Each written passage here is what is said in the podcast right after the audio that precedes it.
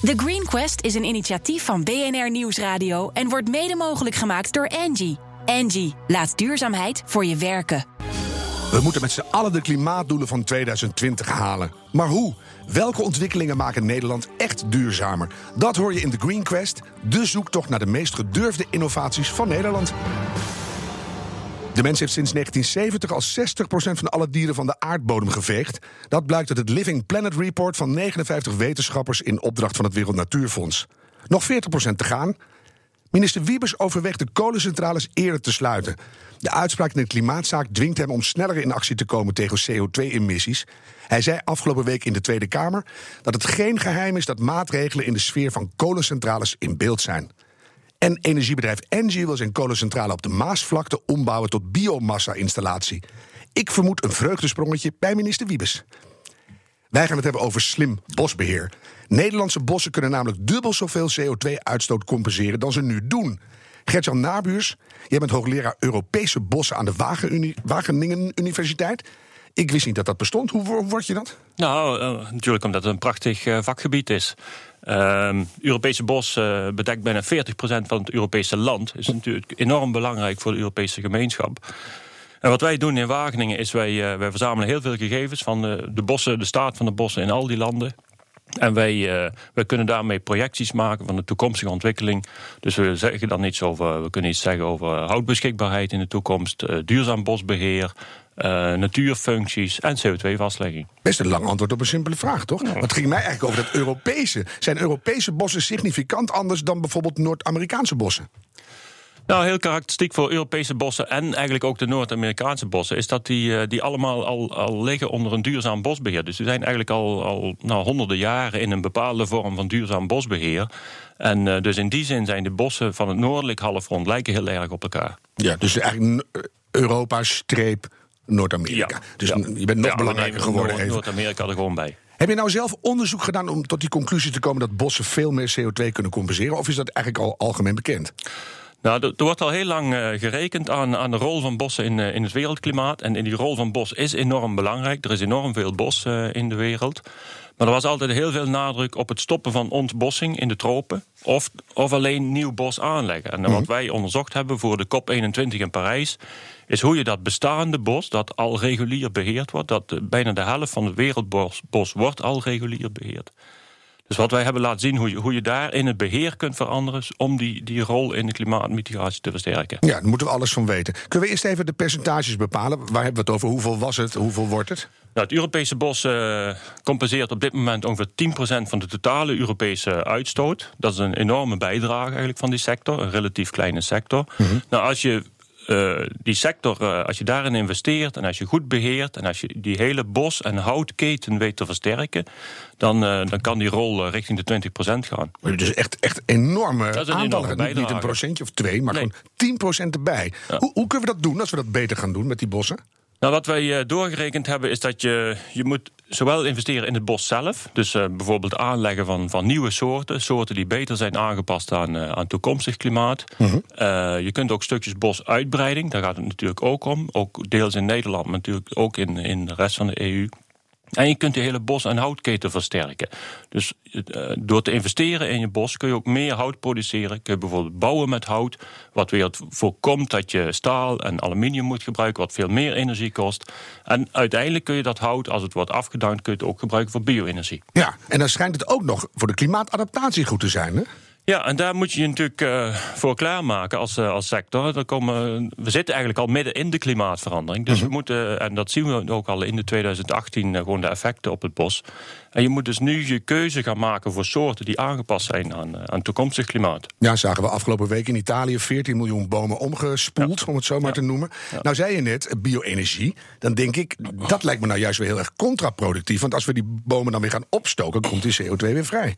Dat, eh, dat klopt inderdaad. Op het moment dat je dat hout verstookt, komt die CO2 vrij.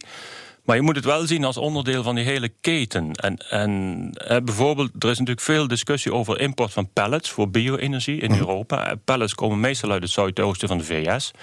Zuidoosten van de VS is al heel lang in een regulier beheer. En dat bos dat wordt beheerd om zaaghout voor houten huizen in de VS te produceren en te bouwen. Daar is niks mis mee. Maar op het moment dat je dat doet, op het moment dat je verzaagt, heb je heel veel afval. En die afvalstromen die gaan naar de pelletindustrie. En als je die dan opstookt, is het niet zo erg omdat je weer nieuwe bomen aanplant. Ja. En we versterken de keten. Precies. Jij bent hoofdauteur van het hoofdstuk Landbouw en Bos van het eh, rapport van het VN-panel dat klimaatverandering monitort. Jij weet dus als geen ander welke kansen we nu mislopen. Hoe komt het dat we die mislopen? Nou, het, eh, het, het gaat natuurlijk om de landgebruiksector. en je ziet dat dat is natuurlijk ook een sector die, die langzaam te veranderen is. In het bos kun je niet heel snel eh, grote veranderingen doorvoeren. Zo gauw je het hebt over bosuitbreiding, heb je natuurlijk ook te maken met andere functies. Dus dat is wat we, wat we nu bijvoorbeeld in de Nederlandse eh, klimaatenvelop in de pilots laten zien. Dus als je, als je zoekt naar combinaties van functies. eh, je kunt bijvoorbeeld denken Nederland heeft ook eh, heeft, heeft gebieden nodig voor waterberging. Nou, als je die kunt combineren met moerasbos. Mangrovenbossen. Want het is Heerlijk. mangrovenbossen. Ja. Natte natuur die, die, eh, die, die weer nodig is. Die combis, daar zoek je dan naar. Dit klinkt heel helder. Nou hoorden we net minister Wiebes, die moet versneld zijn CO2 eh, zien kwijt te raken. Heb je hem dit al aan zijn verstand kunnen peuteren? Nou, dit, dit is wel zucht. onderdeel. Je zucht. dit is onderdeel in, in de hele klimaatonderhandelingen, volgend op het klimaatakkoord, is ook een, een tafel eh, landgebruik. Daar zit de landbouw in en daar zit bosbeheer en natuur zit daarin. Dus ook, ook natuur zeker. Nou, en daarin worden de, de berekeningen doorgevoerd. Daar wordt gekeken wat de sector kan doen. En die voorstellen gaan mee in de, in de, hele, in de hele opvolging van het klimaatakkoord. Dus het begint te veranderen. We gaan langzaam inzien dat die bossen meer zijn dan eh, schuilplaatsen voor edelherten. Ja. Om het woord maar weer eens te noemen. Nou, nou zei je net al, die klimaatenvelop, daar gaat 30 miljoen in. En die, daar kunnen jullie dan ook met het bosbeheer wat uit gaan, eh, gaan grasduinen. Wat, wat worden die pilots? Hoe gaat het eruit zien? Nou, wat we bijvoorbeeld doen is... eh Staatsbosbeheer heeft met de bossen in de Flevopolder... he- hebben ze heel veel last van essensterven. De es is een, is een boomsoort, die heeft last van een, van een schimmel. Eh, nou, die bossen wil je weer verjongen. Dus een van de pilots is... Hoe, hoe ga ik die bossen verjongen? Hoe ga ik dan nieuwe soorten inplanten? En welke gaan we planten dan? Nou, je kunt dan eh, denken aan een, eh, een ratelpopulier, een eh fladderiep. Dat zijn soorten die weer wat beter aangepast zijn aan, aan klimaatverandering. En ook gewoon mooiere woorden. Ja. Kijk, wat Ja. een schitterende Ja. fladderierp. Ja, precies. Ja. Oh, mooi. En, en dan, dan zei je het net al, het gaat niet zo snel in het bos. Hè? Dus we hebben nu hele snelle maatregelen nodig. We hebben hè, 2020, 2030, 2050. En dan gaan we bomen planten. Ja, duurt dat niet allemaal veel te lang?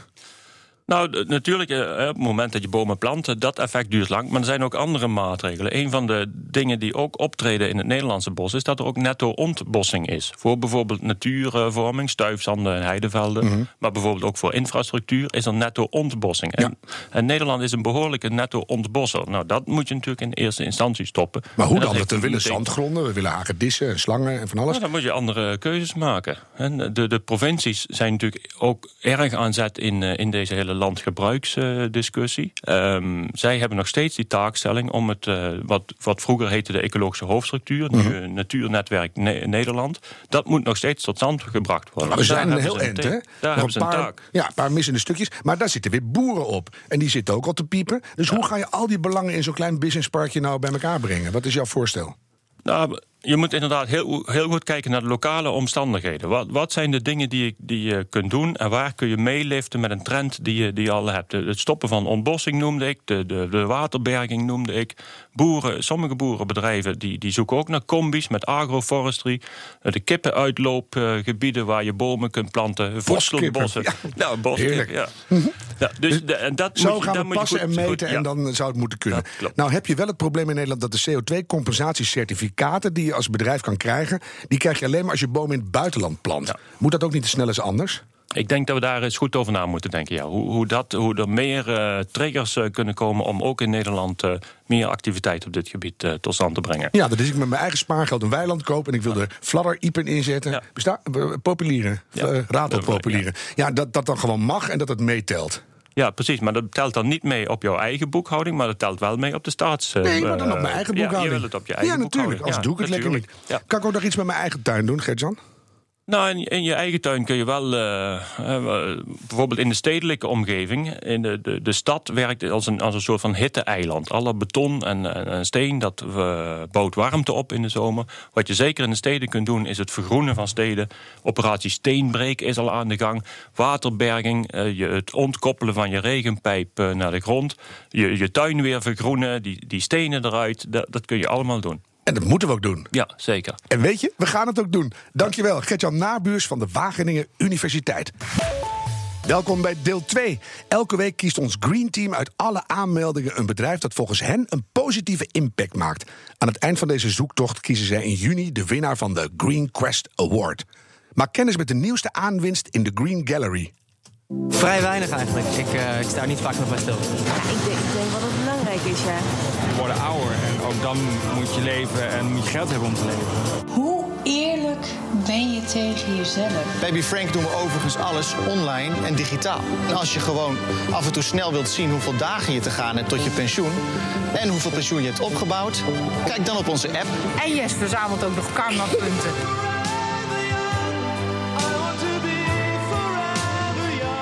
Je gaat toch even luisteren, hè? Dat het, Ja, liedjes. zeg maar. Dag Jan-Hein Rebergen, directeur van pensioenuitvoerder Be Frank. Even een gewetensvraag aan het eind. En eerlijk zijn, aan het begin eerlijk zijn. Hoeveel karmapunten heb jij al? Ik, eh, ik hoop best wel veel. En waar, waar bestaan die uit bij jou? Eh, ik denk in ieder geval dat ik een hele actieve, positieve bijdrage lever aan mijn omgeving. Om eh, eh, met heel veel positieve energie mijn leven te leiden. En, en, en noem eens twee dingen uit je leven waarvan je zegt... dat is echt karma. Tomeloze energie en eh, voortdurend positief. Dat heb ik ook een beetje. Ja, Soms tegen het beter weten in. Wat doet een pensioenuitvoerder? Eh, een pensioenuitvoerder als Befrank voert pensioen uit voor eh, werkgevers die aan hun werknemers eh, pensioen toezeggen. Het zijn bij Befrank gemiddeld wat grotere werkgevers die in hun arbeidsvoorwaardenpakket pensioen hebben en op zoek zijn naar een partij die het op een goede manier uitvoert. In het geval van Befrank is dat op een hele moderne manier met heldere en eenvoudige online communicatie. En eh, nou, dat doen we nu sinds 2011 en dat eh, gaat eigenlijk heel erg goed. Ja, en sinds 2014 hebben jullie een donkergroen pensioenpakket. Wat zit daarin? Ja, dat is een eh, hele mooie samenwerking met Triodos. Ehm, daar hebben wij hele mooie gesprekken mee gevoerd over nou, wat kunnen we als pensioenuitvoerder bieden voor, voor pensioen. En een van de punten waar Triodos van zei, joh, het kan eigenlijk nog veel groener en mooier. En toen hebben we ook samen de uitdaging opgepakt om te zeggen, laten we het vormgeven. Dus eh, wij zijn degene die het in de pensioenregeling eh, mogelijk maakt. En eh Triodos geeft daar inhoudelijk ook invulling aan. Ja. Eh, en in feite is het, eh, eh, het verschil met de gewone beleggingen... is dat Triodos heel actief selecteert op bedrijven die positief uitschieten. Maar, maar noemen ze, de fossielen gaan eruit natuurlijk. Dat Ja. kan niet meer. En dan heb je Ja. de fragmentatiebommen en al die andere reut. Gaat eruit. Ja. Maar wat zit er bij jullie nou specifiek in? Dat je zegt, nou daar zijn we nou zo trots op. Ja, Triodos is heel actief in het selecteren van bijvoorbeeld groene energiebedrijven... of hele duurzame projecten. Ehm, eh, ook eh, inkoop van biologisch katoen bijvoorbeeld. Eh, nou, hele concrete voorbeelden waarop positief wordt geselecteerd. Mhm. En hoeveel miljoen en of miljard zit er al bij jullie op die manier in de beleggingsportefeuilles? Eh, nou, Befrank is de afgelopen jaren aardig gegroeid. We zitten nu op bijna 3 miljard wat wij beheren voor onze deelnemers. Eh, tegelijkertijd eh, denk ik dat we nog heel veel winst kunnen boeken over eh, het verder verduurzamen van de lifecycle. En een van de dingen die wij zagen is dat de duurzame lifecycle, dat wij denken dat die nog vaker gekozen zou worden als wij de duurzaamheid beter in, in beeld zouden brengen. Dit echt expliciet verteld wat je doet en waar het dan in zit. Exact, ja. Ja, dat is altijd eigenlijk zo. Nou is het rendement op dit moment in vergelijking met andere pakketten nog niet hetzelfde, heb ik begrepen. Nou, er zit, eh, als je uitselecteert op positieve uitschieters, er zit meer variëteit in dan simpelweg de markt volgen. Mhm. Eh, maar er zit ook heel veel meer waarde in. Hè, dus eh, echt bijdragen aan een betere toekomst past ook heel erg in lijn van pensioen. Maar eerst even de harde economische cijfers. En dit is wel een zakenzender. Dus als ik bij jullie duurzaam donkergroen beleg, hoeveel rendement maak ik dan op dit moment? En als ik dat lekker vuil fossiel ouderwets zou doen? Eh, afgelopen jaar was de beleggingen van eh, de eh, markt ietsje beter, was het rendement van de markt ietsje beter dan eh, de groene. Dat heeft ook alles te maken met politieke ontwikkelingen elders in de wereld. Ehm, eh, maar per saldo is denk ik niet alleen goed om naar de rendementen te kijken. Die zijn heel relevant voor pensioengeld. Eh, maar het is ook heel relevant om na te denken wat je met je pensioengeld überhaupt zou kunnen doen in de toekomst. In de categorie laat ik nu vast iets goeds ermee doen. Exact. En ik kan me ook voorstellen dat jullie denken: duurzaam, dat wordt een norm, dat wordt ook booming, dat gaat enorm veranderen. Dus begin er nu maar vast mee, dan wordt je rendement allengs groter. Zeker, dat is eh, een van de overtuigingen. En tegelijkertijd is ook de overtuiging dat je, eh, eh, je bouwt eh, met pensioen bouw je geld op voor je toekomst. Eh, en je wil in de toekomst ook iets nou, op het strand kunnen liggen en niet, niet wegbranden. Je zegt het nog aardig, je wil gewoon nog een toekomst. Ja, ja. Ik zeg dat altijd tegen Amnesty: wat hebben we aan mensenrechten als er geen wereld meer is? Ja, dat is Dus een go- goede vraag. World first. En dan ja. Ja. Nou ja, dus uh, uh, werken aan een, aan een goede toekomst heeft volgens mij altijd zin. En nou, binnen pensioen gaat er heel veel geld in om. En daar positief selecteren op bedrijven die een verschil maken, heeft denk ik ook echt zin. daarmee worden degenen die wat minder presteren ook minder beloond. en dat heeft denk ik uiteindelijk gewoon zin voor een goede toekomst. En we komen allemaal in de hemel. Nou, wie wil dat nou niet? Jullie hebben een Sustainable Impact Dashboard gemaakt, een soort app. En dat is ook jullie inzending voor deze wedstrijd. Hè? Wat, wat zie ik op de app?